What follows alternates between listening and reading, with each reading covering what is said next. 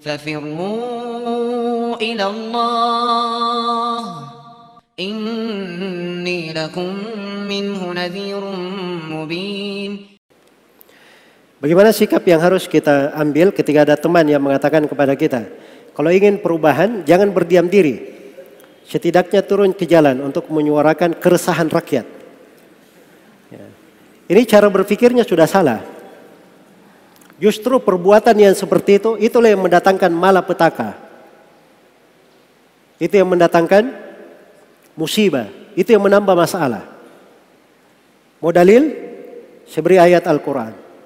Allah berfirman, Inna Allah la yughayyiru ma biqaumin hatta yughayyiru ma bi anfusihim. Allah tidak merubah keadaan satu kaum dari baik menjadi jelek hingga dia sendiri yang merubah keadaannya. Ini ayat banyak yang salah memahami ya.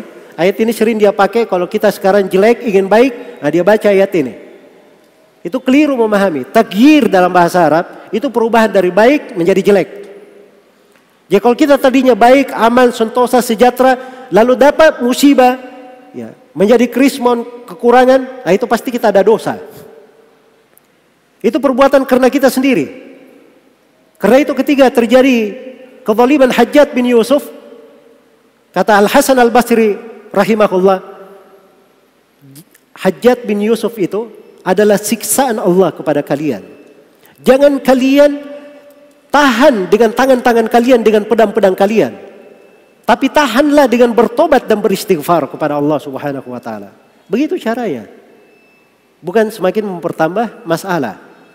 Karena demonstrasi itu adalah hal yang dilarang di dalam syariat. Walaupun pemerintah membolehkan. Ya. Itu adalah hal yang keliru. Dan tidak ditaati dalam hal yang maksiat. Harus tetap diingatkan akan bahayanya. Semoga Allah Subhanahu wa taala memberi taufik kepada semuanya. Wallahu taala alam.